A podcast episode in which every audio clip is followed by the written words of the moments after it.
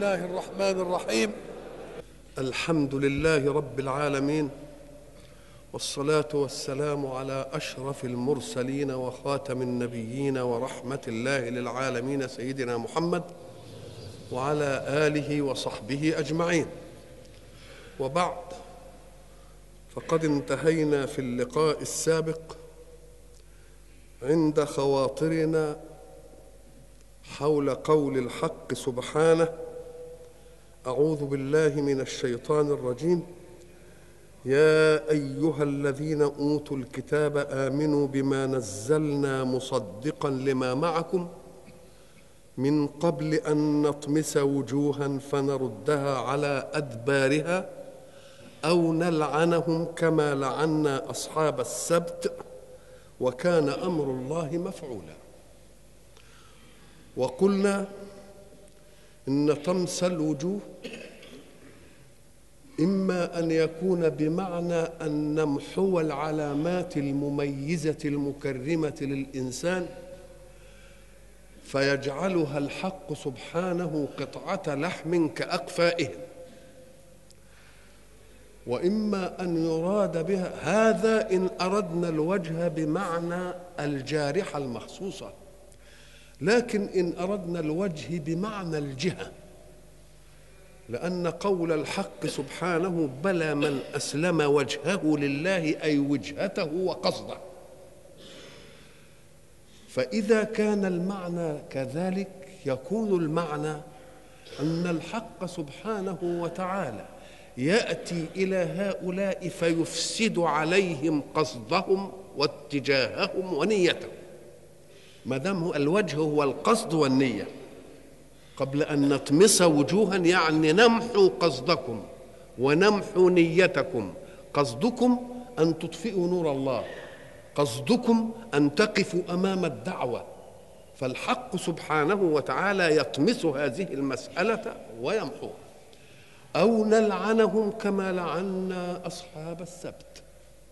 واللعن قالوا في معناه أنه الطرد والإهانة. وقالوا في معناه أنه الإهلاك. والذين يحاولون أن يشككوا في مفهومات آيات القرآن يقولون أنتم لا تقفون عند معنى واحد للكلمة. إما أن يراد كذا وإما أن يراد كذا وإما أن يراد كذا. نقول لهم أنتم ليست لكم ملكة اللغة. حتى وإن تعلمتم اللغة فتعلمكم للغة تعلم صنعة لا تعلم ملكة. وتعلم الصنعة يعطيك القاعدة ولكن لا يعطيك هبو وضع اللفظ في معناه الحقيقي وفي المراد منه. واللعن إذا كان معناه الطرد. كان يجب أن تفهموا أن الطرد يقتضي طاردا ويقتضي مطرودا ويقتضي مطرودا منه. من الذي يطرد؟ ومن الذي يطرد؟ وعن أي شيء يطرد؟ حين تأخذون المعنى على هذا الوضع لا تجدون غضاضة في أن تتعدد معاني الطرد. فهب أنك تجلس للاكل ثم جاء كلبك الذي تعتز به للحراسه ليحوم حول مائدتك. ماذا تصنع له؟ تطرده عن المائدة. ذلك طرد. هب أن ابنك مثلا صنع شيئا وعندك ضيوف فأردت أن تخرجه من المجلس وقلت أنكل عند أمك. هذا طرد. فإذا كانت لك سيطرة وتخرجه من البيت فلا يجلس فيه هذا طرد. فإذا كانت لك سيطرة أوسع تخرجه من القرية هذا طرد. فإذا كانت لك قوة نافذة تخرجه من الحياة كلها فتصير قد أبعدته عن الحياة كلها. إذا فكل ذلك طرد. فإن أردنا الخزي والهوان يتأتى اللعن. وإن أردنا الإهلاك يتأتى. الخزي والهوان حدث لهم لأننا سبينا نساءهم. سبينا بناتهم وقهرناهم. أدي واحدة. وأهلكناهم موتوهم وقتلوا وأخرجناهم من الديار إلى بلاد الشام وإلى أزرعات. وأهلكهم الله بالموت. يبقى اذا كل معاني الطرد تتأتى ولا لا؟ فإذا جاء معنى يلتمس هذا المعنى نقول له يأتي المعنى بس بيختلف باختلاف الطارد وباختلاف المطرود وباختلاف المطرود. المطرود منه؟ اذا لو قلنا كما لعنا أصحاب السبت حين يقول نلعنهم كما لعنا أصحاب السبت يدل على أن اللعن له أشياء مختلفة. أنا سآخذ منها لعن أصحاب السبت. وإلا لو كان اللعن معنى واحد ما كانش يقول لعناهم كما لعنا أصحاب السبت. يبقى معنى ذلك أن هناك لعن غير لعن أصحاب السبت. والله يريد أن يحدد لعنهم كلعن أصحاب السبت. كلمة أصحاب السبت دي كلمة أصحاب وردت في القرآن كثيرا. وهم كل جماعة اجتمعوا على حدث. فمثلا يقول أصحاب الفيل. إيه يعني أصحاب الفيل؟ يعني الجماعة الذين اجتمعوا في حادثة الفيل اللي لأنهم جاءوا ليهدموا البيت. أصحاب الإيه؟ الفيل. يبقى كل جماعة اجتمعت. ما هي الصحبة الاجتماع والملازمة والمؤاخاة. إنما على أي شيء. أصحاب الفيل اجتمعوا على معنى كذا. وأصحاب الأخدود برضه اجتمعوا. وأصحاب الأيكة اجتمعوا على إيه؟ آه وأصحاب الجنة. إذ أقسموا لا يصرمنها مصبحين. اذا فكل صحبة على حدث يقال لهم إيه؟ أصحاب. طب أصحاب السبت. السبت يوم من الأيام. أي من أيام الأسبوع. يعني وحدة زمنية في الأسبوع. السبت والأحد والإثنين وإلى آخره. لكنك تلحظ أن بقية أيام الأسبوع الستة فيها مشارات إلى العدد. أحد يعني يوم واحد مش كده؟ اثنين ثلاثة أربعة خمسة. ففي خمس حاجات بأعداد موجودة. إلا حاجتين اثنين ما اشيرش فيهم للعدد. يوم الجمعة ويوم السبت. إيه يعني اللفظين دول خدوا معاني غير العددية؟ ولكنهم يأخذان معنى العددية بالبعديه أو القبلية. يبقى لما نقول مثلا الخميس يبقى الجمعة هتبقى إيه؟ ستة. إنما خدت ما قالش ستة قال الجمعة. طب والسبت؟ يبقى سبعة. اذا أنت تقدر تحط لها العدد البعدي بعد الأعداد التي واحد واثنين وثلاثة وأربعة وخمسة ها؟ وستة وسبعة. لكن نجد إن لهم اسمين مختلفين. أم قال لك لأن في كل واحد منهم حدث غلب العددية. إيه الحدث اللي غلب؟ الجمعة عشان الاجتماع. فسيبنا بقى كلمة إيه؟ ستة وخدنا إيه؟ الجمعة. طب والسبت؟ السكون. السبت إيه؟ لأن مادتها في اللغة ثبت يثبت إذا إيه؟ سكن وهدأ ولم يتحرك. وجعلنا النوم إيه؟ سباتا يعني سكونا وإيه؟ وهدوء. نشوف بقى أصحاب السبت سبت يعني إيه السكون. ليه السكون؟ قال لك لأن الحق سبحانه وتعالى حين يريد ابتلاء بعض خلقه ليعلم منازلهم من الإيمان واليقين والانصياع إلى أوامر الحق يأتي فيحرم حدثا في زمن هو مباح في غير ذلك الزمن. يحرم حدث هذا الحدث مباح في غير ذلك الزمن. الصيد تصطاد في كل يوم لأن بتجيب رزق من البحر عشان تاكله فجه في اليوم ده مخصوص وقال لهم لا ما تصطادوش في اليوم ده. يبقى يسكنوا عن الحركة. تتحركوش فيه. طب أدي ثبت يثبت بمعنى إيه؟ بمعنى سكن يثبت طيب. أصحاب السبت يعني الجماعة الذين اجتمعوا على حادثة تتعلق بالسبت وتت... أي تتعلق بالسكون أي تتعلق بعدم العمل أي تتعلق بعدم الحركة. إيه قصتهم؟ القصة بتاعتهم الحق سبحانه وتعالى شرحها تكلم عنها اجماليا في سورة البقرة. ولقد علمتم الذين اعتدوا منكم في السبت. والآية هنا كما لعنا أصحاب السبت. لكن القصة بالتفصيل ذكرها الحق سبحانه وتعالى في الآية 166 من سورة الأعراف حين يقول الحق عنهم واسألهم عن القرية التي كانت حاضرة البحر. الخطاب لرسوله صلى الله عليه وسلم فهو السائل هو المأمور أن يسأل الله الآمر. والرسول هو الذي سأله الله أن يسأل والمسؤولون هم أصحاب الحكاية اليهود. حين يطلب الحق خبرا مؤكدا من الأخبار قد يلقيه خبرا فيصدقه أهل اليقين. اللي واثقين في الله يصدقوه. وقد لا يتركه خبرا بل يأتي به في صيغة الاستفهام. لأنه واثق أن المستفهم منه لا يجد جوابا إلا الحق الذي يريده سبحانه وتعالى. إذا واحد جه قال لك ده فلان ده أهملني ولا بيعتنيش بيا ولا بتاع وبعد ذلك جيت أنت قلت للي بيقول لك هذا الكلام قلت طب هاته كده هاته. تقول له ألم أصنع معك كذا؟ هو لم يقل أنا صنعت كذا إنما عملها طرحها في إيه؟ في صيغة سؤال. عشان هو اللي إيه؟ هو اللي يجاوب. يقوم هو دوكا إكمنها حصلت ما يجدش مندوح على أنه يجيب. يبقى الخبر جه من مين؟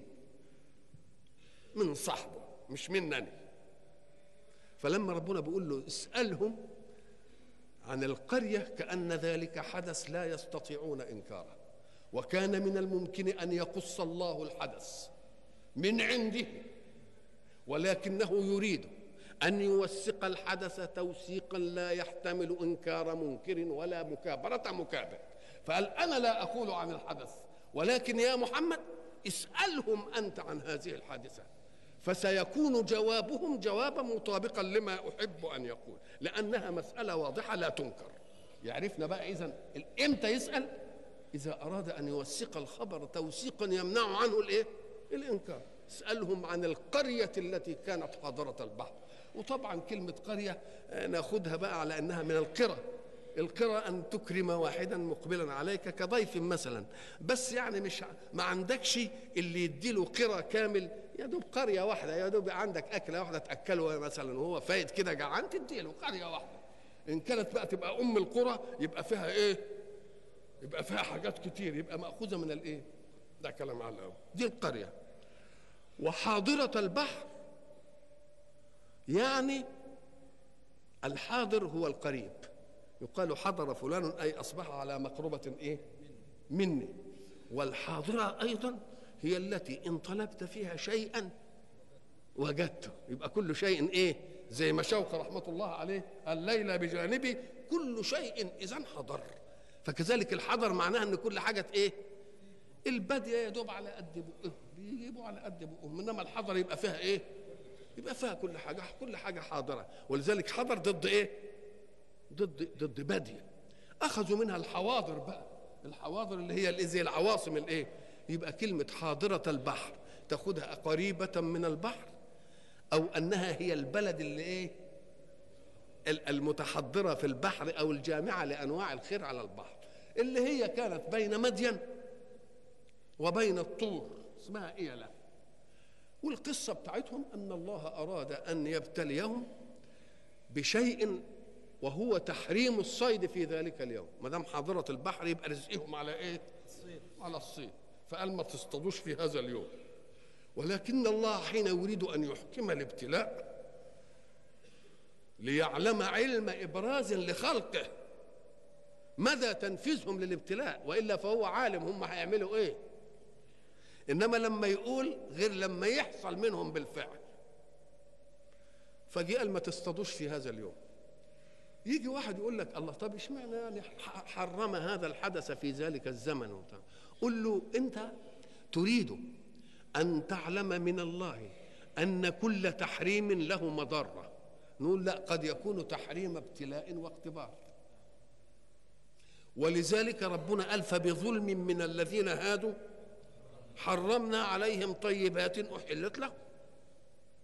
هي الطيبات حلال إنما هم عملوا حاجة قلت لهم ما دام أنت تجاوزت حدك وأخذت ما ليس حلا فجعلته حلا أنا لازم أجعل من الحل اللي لك حرام. تبقى دي قبلتي.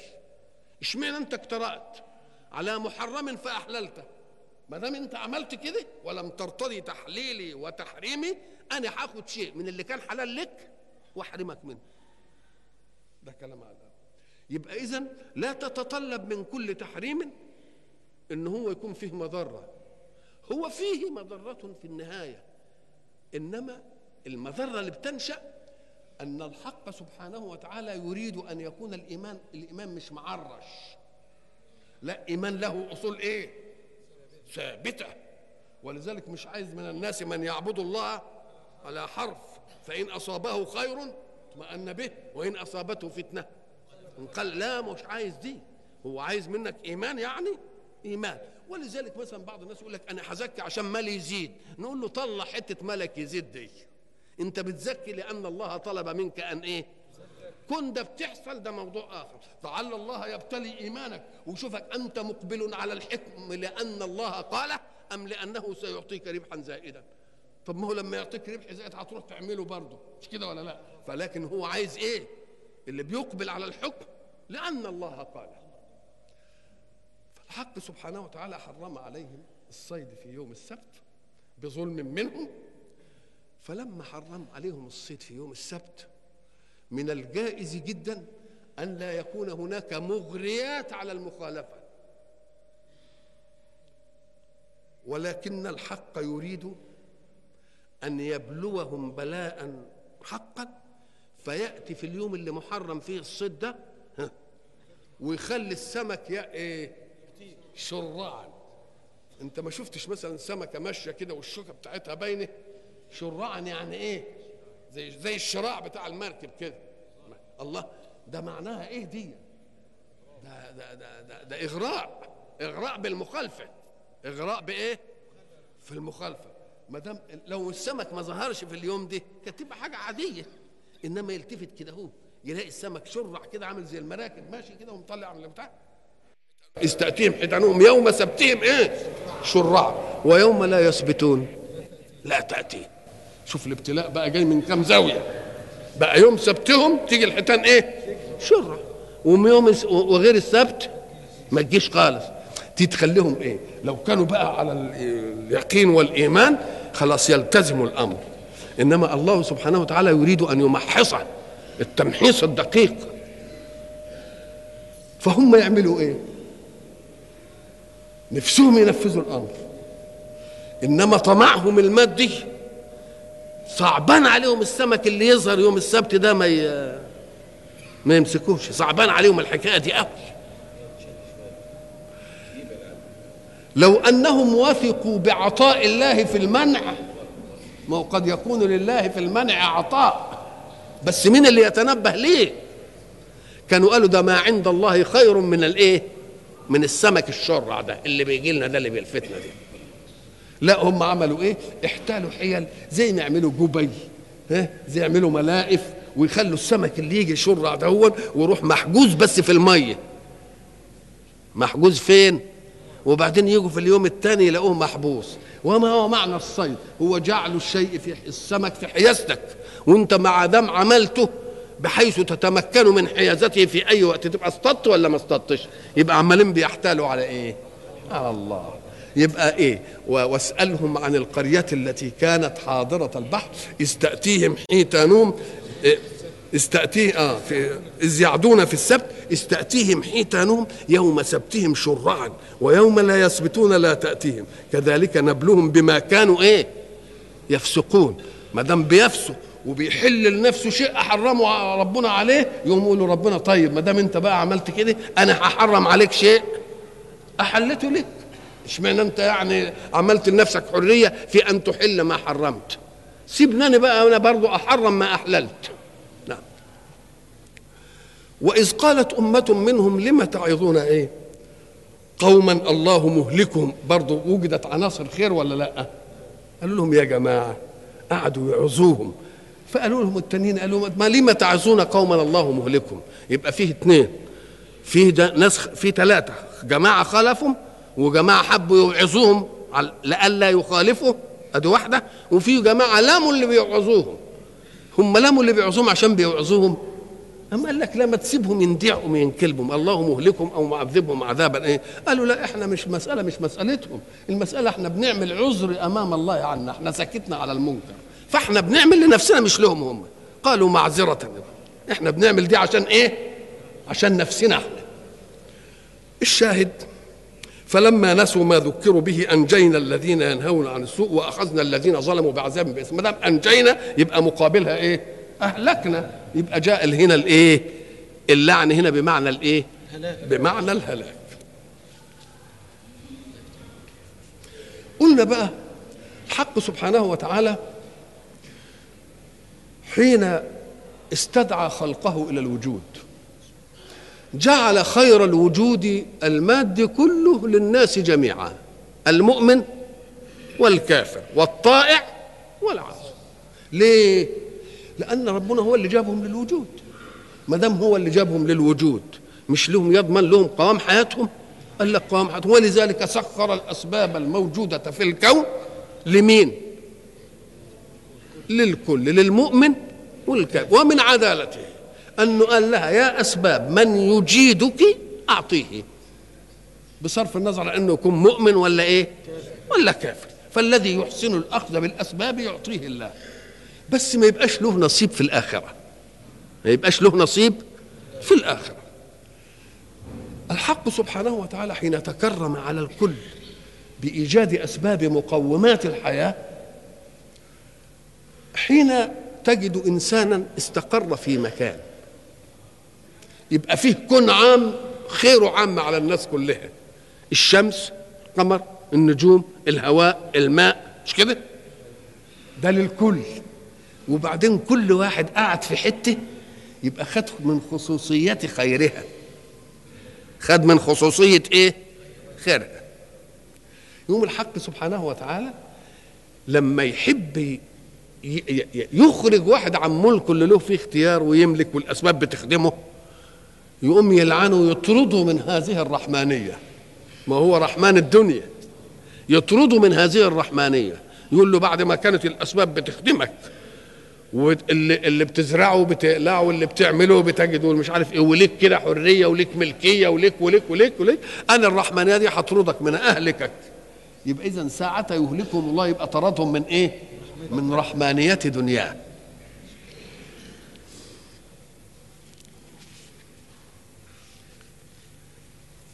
الله. أو نلعنهم كما لعنا إيه؟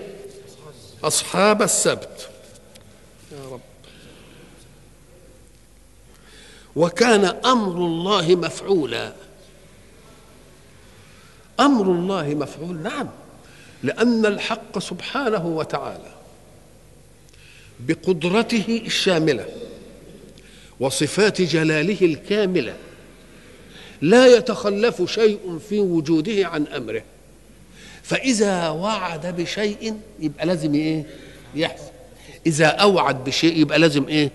ليه؟ يحصل ليه؟ لأن الذي يتخلف من وعد أو وعيد إنما يكون ذلك من البشر لأنك قد تعد إنسانا بخير ولكنك ساعة أداء الخير لا تجده تبقى أنت قدرتك هي اللي عاجزة توعد إنسانا وتهدده بشر وهتعمل فيه كذا بكرة ما يمكن بكرة بقى يجي مرض كده يقعدك ويخليك ت... الله. يبقى اذا أنت لا تستطيع انفاذ شيء من وعدك ولا شيء من وعيدك. ليه؟ لأن قدرتك من الأغيار. وما دام قدرتك من الأغيار توجد أو لا أو لا توجد. لكن الحق سبحانه وتعالى إذا قال بوعد أو قال بوعيد أيوجد شيء يغير هذا؟ يبقى إذا ساعة ما ربنا يقول اعرف إنه إيه؟ إنه حاصل. ولذلك قلنا قديما أن الحق سبحانه وتعالى حينما يأتي ليوزع الأحداث على الزمن. في حدث قبل ما تتكلم. حصل قبل ما تتكلم. بتقول عليه فعل إيه ده فعل ماضي. يعني إيه؟ يعني الحدث وقع في زمن قبل زمن تكلمك. مش كده؟ طب وإن كان الحدث في وقت تكلمك بنسميه إيه؟ مضارع وبنسميه للحال أو الاستقبال مش كده؟ تعال قوي يبقى المضارع صالح للحال والاستقبال. قلت يأكله يبقى دلوقتي سيأكله يبقى هيأكل إيه؟ بعدين. فإذا قلت عن أمر مستقبل إن الأمر ده سيحدث أتملك أنت أن يحدث؟ آه. يبقى اذا الكلام منك على الاستقبال قد يكذب وقد يصدق. لكن إذا قال الحق عن أمر مستقبل يبقى معناه إيه؟ معناه إنه حادث لا محالة. ولذلك الزمن عند ربنا ملغية الحكاية دي. ملغية؟ ولذلك قلنا إيه؟ عند قول الحق سبحانه وتعالى أتى أمر الله. طب أتى دي فعل إيه؟ ماضي. طب بالله كده هات منطق كده يقول أتى أمر الله قبل أن أتكلم فلا تستعجلوه. طب معنى فلا تستعجلوه؟ إنه لسه ما حدثش. فلا تستعجلوه معناه إيه؟ أنه ما حدثش. لكن قوله أتى يدل على أنه حدث قبل ما يتكلم. يبقى أتى دل على أنه حدث قبل التكلم. فلا تستعجلوه دل على أنه لم يحدث. يبقى بقى اللي بيشكك في القرآن يقول لك يا القرآن ده عمال إيه طب ما هي أتى ده أتى. نقول له ده الكلام ده عندك أنت. لكن إذا قال الله أنه سيأتي يبقى آت لا محالة. فاحكم على الحدث المستقبل من الله على أنه أمر كائن كما يكون كائنا ماضيا. ما فيش كلام. قال كده ما فيش حاجة تقف أمامه. أتى أمر الله يعني إيه؟ سيأتي. ولكن سيأتي منه لا توجد قدرة في خلقه إيه؟ تصرف مراده أو تعجزه عن أن يفعل. فإذا قال سيفعل يبقى فعل ولا ما فعلش؟ يبقى فعل. يبقى وكان أمر الله إيه؟ مفعولا نعم. لأنه أصل بيقول أو نلعنهم. طب نلعنهم ديا مش مستقبل؟ ما هو واحد يقول لك نلعنهم لسه جاية يمكن ما يحصلش. نقول له لا يا حبيبي ده أمر الله إيه؟ ده أمر الله مفعول. اوعى تاخد نلعن دي بتاعة المستقبل دي عشان تطبقها عند مين؟ عند ربنا. ليه؟ لأن الحق سبحانه وتعالى بيقول لك أنت اللي عندك المستقبل والمستقبل قد يقع منك وقد لا يقع لأنك لا تملك أسباب نفسك. تقول هعمل الشيء الفلاني بكرة. طب ما يمكن بكرة إن شاء الله ما تبقاش أنت موجود. أدي واحدة. طيب هقابل فلان. طب أنت موجود وفلان ما يبقاش موجود. يضيع. يروح. مفهوم؟ طب عشان أكلمه في الشيء الفلاني. طب ما يمكن رأيك يتغير والشيء الفلاني قبل ما تتكلمه يكون جالك. الله. أنا هنتقم منه. ما يمكن على ما يجي وقت الانتقام يكون قلبك رضي. الله. اذا أنت ما تملكش شيء. أنت لا تملك شيئا من هذا. يبقى ما يصحش إنك أنت تجازف. ولذلك يعلمنا الله الأدب مع الأحداث ومع الكون ومع المكون ويخرجنا عن أن نكون كذابين. يقول لرسوله ولا تقولن لشيء إني فاعل ذلك غدا إلا أن يشاء الله. عشان ما تبقاش كذاب تقول أنا فاعل ذلك غدا وبعدين ما تفعلوش. ما دام ما تفعلوش تبقى أنت طلعت إيه؟ كذاب. كذاب ومجترئ لأنك انت فرضت نفسك موجود. لأن كل حدث من الأحداث زي ما قلنا يحتاج إلى إيه؟ فاعل. مش كده؟ يحتاج إلى مفعول يقع عليه. مش كده؟ ويحتاج إلى إيه؟ زمن. ويحتاج إلى سبب. هتعمله ليه؟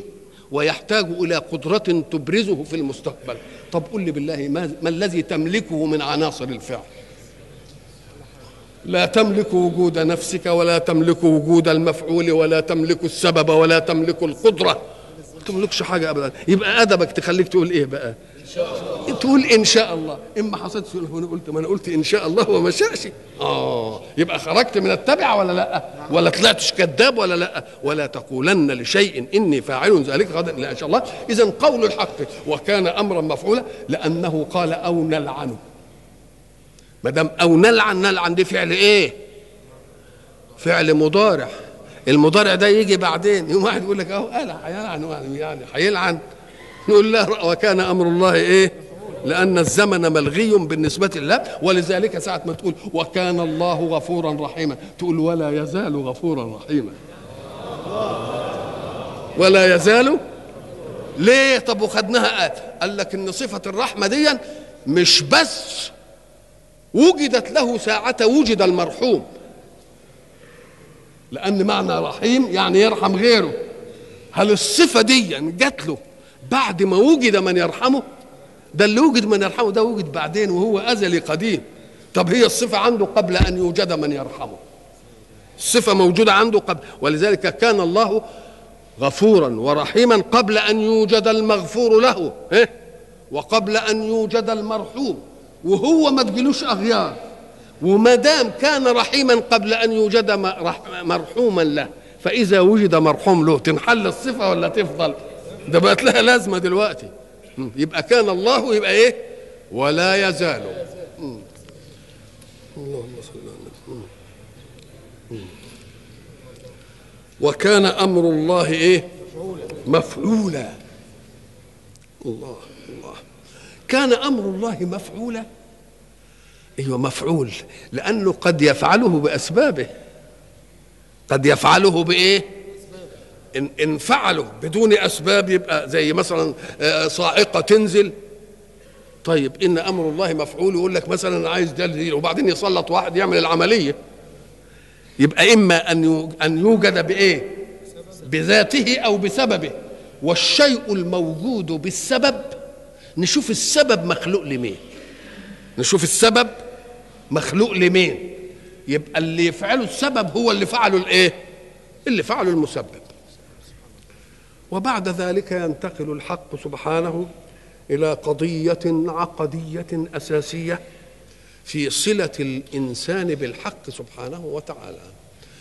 يقول إن الله لا يغفر أن يشرك به ويغفر ما دون ذلك لمن يشاء.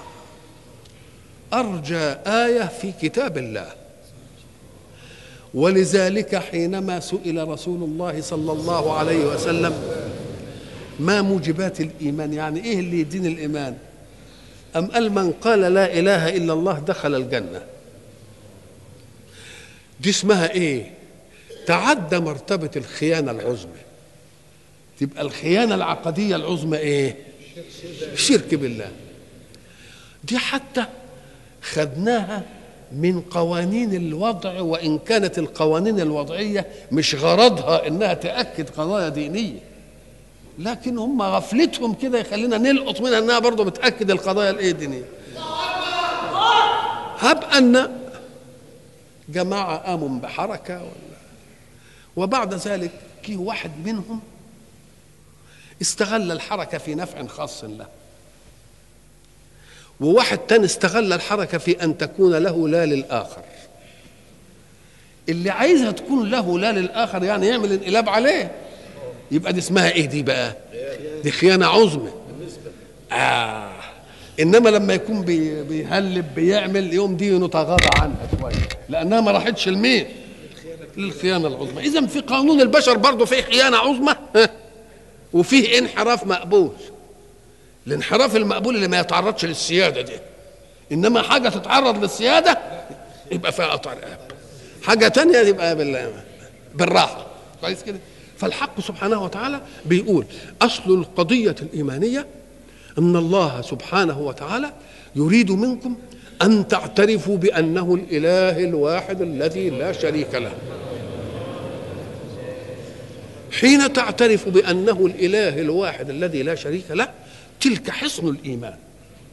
ولذلك يأتي الحديث اللي يقولوا عليه حديث قدسي يقول لك إن لا إله إلا الله حصني ومن دخل حصني أمن عذابي. أبو ذر لما قال للنبي المحاورة اللي حدثت بينه في الآية دي قال له من قال لا إله إلا الله دخل الجنة؟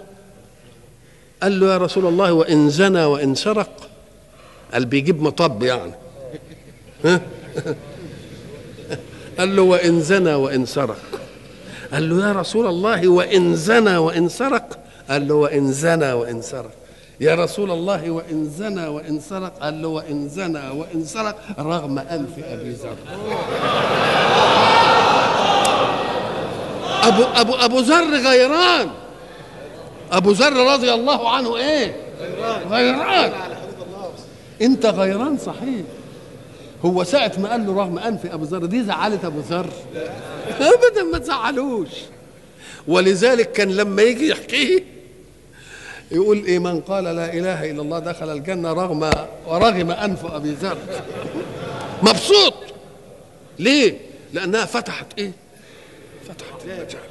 لأن إذا لم يكن هذا يبقى ما الفارق بين من اعتقدها وقالها وبين من لم يقلها؟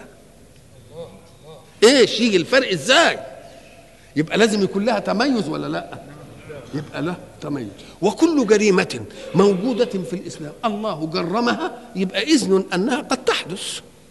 ساعة يقول والسارق والسارقة فاقطعوا أيديهما. مش برضو أجاز أن يسرق المؤمن؟ جاز.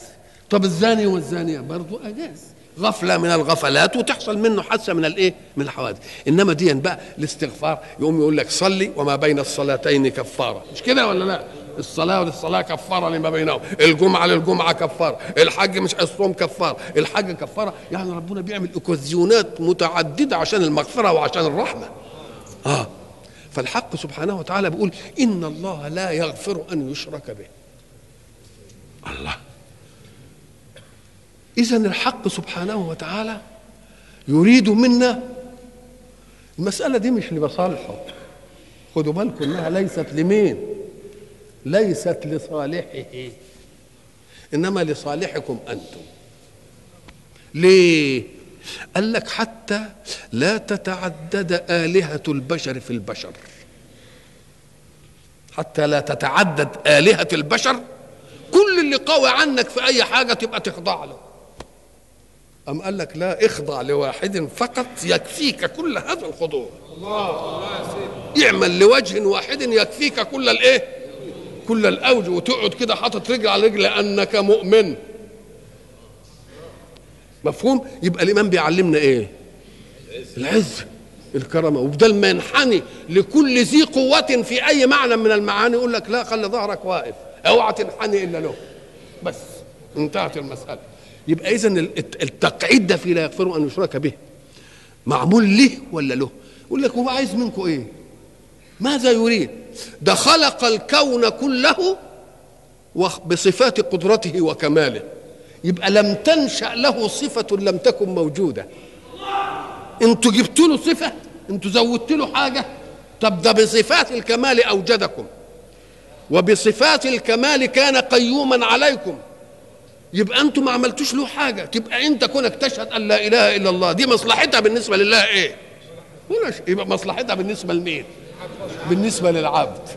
ولذلك إيه اعمل لوجه واحد يكفيك كل الايه؟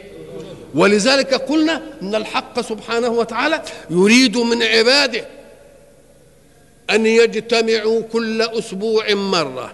قد تصلي فردا فردا في مصنعك في. في مزرعتك في أي مكان. إنما يوم الجمعة لازم ت إيه؟ لازم تجتمع. ليه؟ عشان يوم الجمعة ده نجتمع. لأن إحنا قلنا من الجائز أنك تذل لله فيما بينك وبينه. وتقعد تخضع وتقعد تسجد وتقعد تبكي. بنا. لا ده هو عايز الحكاية دي قدام الناس. عشان اللي أنت شايف له هيلمان تقول يا ده كان بيعيط ويايا. وإحنا بنصلي. واللي له عنطسة واللي تشوفه عمال الله الله الله. ولما تيجي في الحجيج وتشوف الكل بقى وتشوف رئيسك وتشوف اللي له جاه وتشوف اللي وعمال ماسك البتاع وعمال ينهنه تقول الله تبص له كده تقول له يا سلام استوينا في العبودية استوينا في العبودية يبقى ما فيش حد يعمل على حد إيه؟ اله يبقى المسألة لمصلحة مين؟ إن الله لا يغفر أن يشرك به لأنه لو غفر أن يشرك به لتعدد الشركاء في الأرض وحين تتعدد الشركاء في الأرض يبقى لكل واحد إيه؟ إله. وما دام لكل واحد إله تفسد المسألة. إنما الخضوع أن يوجد إله واحد نأتمر جميعا بأمره وحين نأتمر جميعا ويا بعض بأمره فلا سيادة لأحد ولا عبودية لأحد عند أحد. يبقى إن الله لا يغفر أن يشرك به لمصلحتنا ولا لا؟ لمصلحتنا. إن الله. ويغفر ما دون ذلك لمن إيه؟ لمن يشاء. بيقولوا بقى إن سبب الحكاية دي إن آه، وحشي قاتل آه، حمزة لما ذهب بقى وكانوا قالوا له إن قتلت حمزة هنعتقك وبعدين ما لم يوفوا له بالإيه؟ بالعهد وبعدين راح وندم وحب يؤمن وبعدين أرسل إلى رسول الله صلى الله عليه وسلم هو ومعه يا رسول الله إحنا عايزين نؤمن لكن إحنا سمعنا والذين يدعون مع الله إلها آخر ها؟ آه دي وإحنا دعونا مع الله إلها آخر فنخاف إننا إيه؟ ما ندخلش في المغفرة والرحمة. أم قال إلا من تاب وآمن وإيه؟ وعمل. قالوا يا- رسول الله يمكن ما نقدرش نعمل العمل الصالح اللي هو ي- قال ويغفر ما دون ذلك لمن يشاء. أما لعل المشيئة لا تشملني. فأنزل الله إن الله يغفر الذنوب جميعا. إذا المسألة كلها إيه؟ تلطف بخلقه. واعتبار عمليات الغفلة دي طارئة للبشر. وما دام الحق يقنن تقنينات يبقى من الجائز إنها تحدث. من الجائز إنها تحدث. بس بقى إذا حدثت معصية من واحد ثم استغفر عنها إياك أن تجيب لها سيرة عنده تاني. افرض واحد شهد زور. افرض واحد عمل ذنب ثم استغفر الله منه وتاب. اوعى تقول له يا شاهد الزور. لأنه استغفر من يملك المغفرة. ما تعملش انت بقى انه مذنب عندك بقى. اللي يملكها بقى خلاص انتهت الايه؟ انتهت ليه؟ علشان ما يذلش الناس بمعصية فعلت. ما يذلش الناس بمعصية فعلت. بل بالعكس لأن أصحاب المعاصي الذين أسرفوا على أنفسهم يكونون في في نظر بعض الناس هينين. يقول لهم لا ده كلما لزعته التوبة. وندم على ما فعل كتبت له حسنة. ليه؟ لأنه ذاق المعصية ومع ذلك تاب عنها. ذاق المعصية وتاب عنها. أم قال أدي السبب في إن الله يبدله إيه؟ فلما بقى نعرف إن ربنا يبدل سيئاتهم حسنات نقوم إحنا من إيه؟ ما نحتقرش المسرفين على أنفسهم ونفرح بإنهم تابوا. ولا نقعدش إيه؟ نعمل لهم أثر رجعي في في الذلة. نعم. إن الله لا يغفر أن يشرك به ويغفر ما دون ذلك لمن يشاء. الله. ومن يشرك بالله فقد افترى إثما عظيما. الله. من يشرك بالله فقد افترى ما معنى الافتراء؟ الكذب المتعمد. الكذب المتعمد. لأن في واحد يقول لك قضية على حسب اعتقاده فيبقى هي القضية كاذبة. يقول لك والله فلان زار فلان امبارح هو قايلها على حسب اعتقاده. حد قال له كلمة حد شاف مظاهر الزيارة ما حصلش يبقى كذب ولا مش كذب. إنما هو عارف إنه ما زارش ويقول إنه زار. يبقى ده اسمه إيه؟ آه. افترى اسم العظيم قال لك آه لأن ده مخالف لوجدانية الفطرة. كأن وجدانية الفطرة. تقول لا. ليه؟ أم قال لك لأن الحق سبحانه وتعالى لما يقول لا إله إلا الله لا وحده لا شريك له. يا الكلمة دي صادقة؟ نبقى خلصنا. مش كده؟ طب وما كانتش صادقة؟ والعياذ بالله. يبقى في حد تاني وياه؟ طب الحد التاني دي آه سمع إن في واحد بيقول لا إله إلا أنا وسكت ولا ما سمعش؟ إن ما كانش ما سمعش ده يبقى الإله نايم على ودنه دي مش كده ولا لا؟ طب وإن كان سمع ليه ما عرفش يقول لا ده اللي لا إله إلا أنا ويجيب معجزة أشد من معجزة الثاني أمال ليه سكت؟ يبقى لا دي نافعه ولا دي نافعه يبقى لا إله إلا الله حين يطلقها الله ويأتي بها رسول الله ويقول أنا وحدي في الكون ولا شريك له. إما أن يكون هذا الكلام صدقا وانتهت المسألة. خلاص؟ طب ما هو الصدق. طب إن كان في إله تاني سمع الحكاية دي ولا ما سمعش؟ ما كانش ما سمعهاش يبقى ينفع إنه يبقى إله؟ طب وإن كان سمعها وسكت وبقى أرنب كده ولا اتكلم. برضه ينفع إنه يبقى إله؟ يبقى اذا المسألة صادقة ولا مش صادقة؟ كده بالبداهة كده ولا هي عايزة لف ولا هي عايزة إيه؟ ولا هي عايزة دوران. ومن يشرك بالله فقد افترى اثما عظيما. الافتراء كما يكون في الفعل والاعت... في الكلام يكون في الاعتقاد أيضا. اسم عظيم يبقى فيه اسم برضه مش عظيم. أم قال لك الاسم العظيم اللي يخل قضية واحدة في الكون.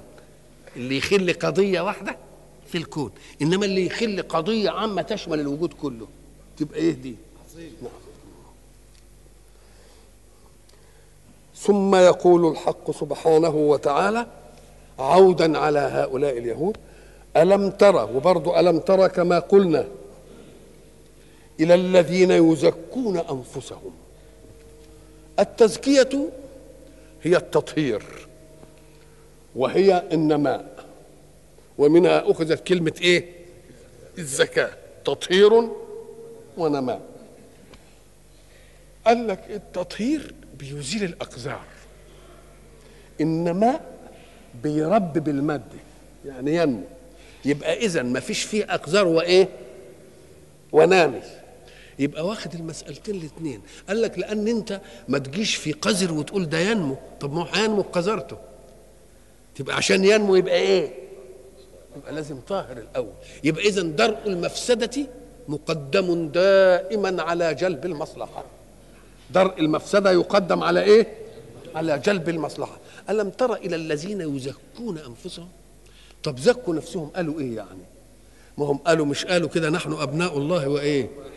وأحباؤه. طيب أدي واحدة. مش قالوا لن يدخل الجنة إلا من كان هودا أو نصارى؟ مش كده؟ يبقى عمالين يزكوا إيه؟ أنفسهم الله. يبقى إذا منهي عن الإنسان أن يزكي نفسه. طيب تزكية. طهر نفسه من العيب وادى نفسه نماء وادى نفسه مثلا نظافة وادى نفسه قوة. طب وإذا كانت حق. ممنوع أن يزكي نفسه؟ هم لما قالوا نحن أبناء الله وأحباؤه الكلام ده صدق؟ لا. يبقى هم زكوا أنفسهم بباطل ولا لا؟ طيب. إما قالوا لن يدخل الجنة إلا من كان هودا أو إيه؟ أو نصارى. الكلام ده حق؟ يبقى إذن الممنوع أن تزكي نفسك بالباطل. لكن إذا كانت التزكية بحق وتطلب في وقت من الأوقات التي لا تحتمل التجربة. افرض أنكم راكبين مثلا في زورق وبعد ذلك اللي بيجدف أو اللي ماسك الشراع أو نص ونص يعني والجو رقاء وهادي ثم قامت عاصفة. لا يقوى من يقود السفينة عليها. وفي واحد في الجالسين إنسان ماهر يقودها.